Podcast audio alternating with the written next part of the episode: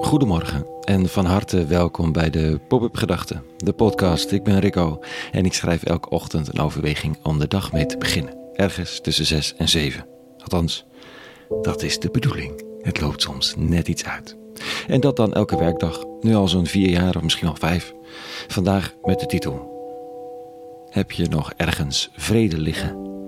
Pop-up Gedachten, dinsdag 1 november 2022.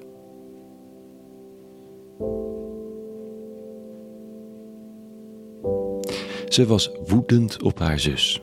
Het totale gebrek aan respect en de manier waarop haar zus haar behandelde, haalde het bloed onder haar nagels vandaan. Ze zat bij mij in een workshop over woede.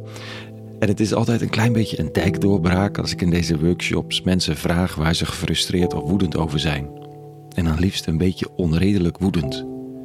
Er komt echt van alles naar boven. Aan emoties en uitspraken, felle ogen, trillende handen, een beetje lachend, want het is ook gek, maar met een hele serieuze ondertoon. Zij was boos. Ze wist niet wat ze ermee moest. In die workshop gaan we op zoek via een paar simpele stappen die ik in de afgelopen jaren heb ontwikkeld naar een constructieve inzet van de frustratie. Maar dat was nog niet gemakkelijk voor deze zus. Want als die ondankbare zus van haar nou niet wil luisteren, als altijd alles op haar voorwaarden moet, als zij aanbiedt om haar te ontvangen bij haar thuis en er een mooie dag van te maken, en die zus wil dan per se iets anders, qua tijd en wat ze doen, en het precies op haar manier, moet je dan toegeven of vechten of wat dan? Toen ik haar vroeg wat ze wel hoopte voor hoe men in de wereld met elkaar om zou gaan, en of er mensen waren die zich op die manier naar elkaar toe gedroegen, moest ze even denken en ging haar een lichtje op. Ze had duidelijk een paar mensen voor de geest. En bedacht ter plekke dat ze misschien maar eens meer tijd daarmee moest doorbrengen. Om met hen een manier van doen vorm te geven die wel werkte, waar ze wel op hoopte, dan maar even de zus parkeren. En wie weet, als ze voldoende in evenwicht was met die andere, dan zou ze misschien zich ook wel weer met haar zus kunnen verzoenen. Het is een eenvoudig moment, maar een ontzettend blije zus aan de workshoptafel.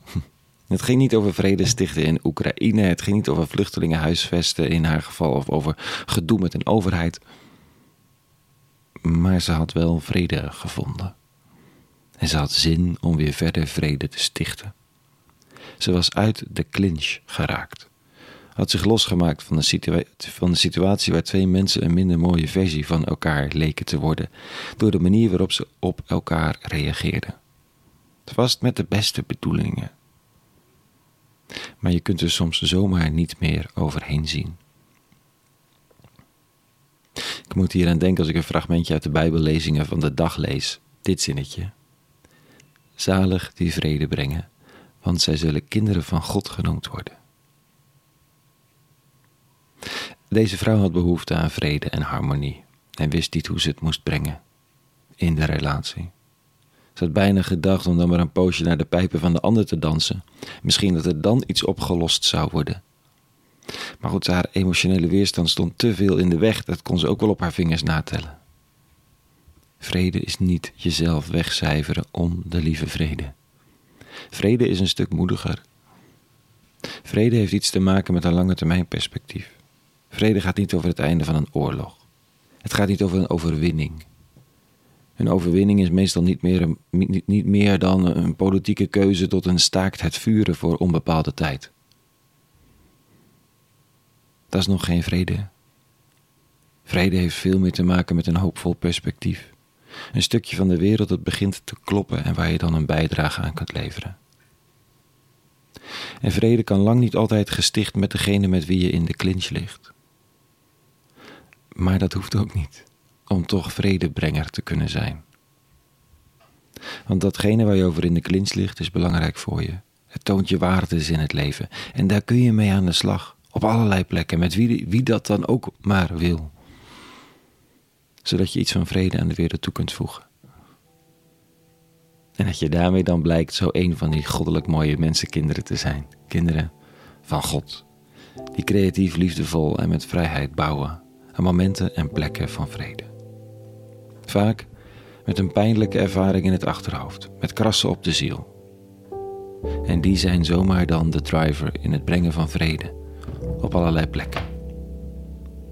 Heb je nog vrede liggen ergens? Kom het brengen. De wereld heeft het nodig. Tot zover vandaag. Een hele goede dinsdag gewenst. En vrede natuurlijk. En alle goeds.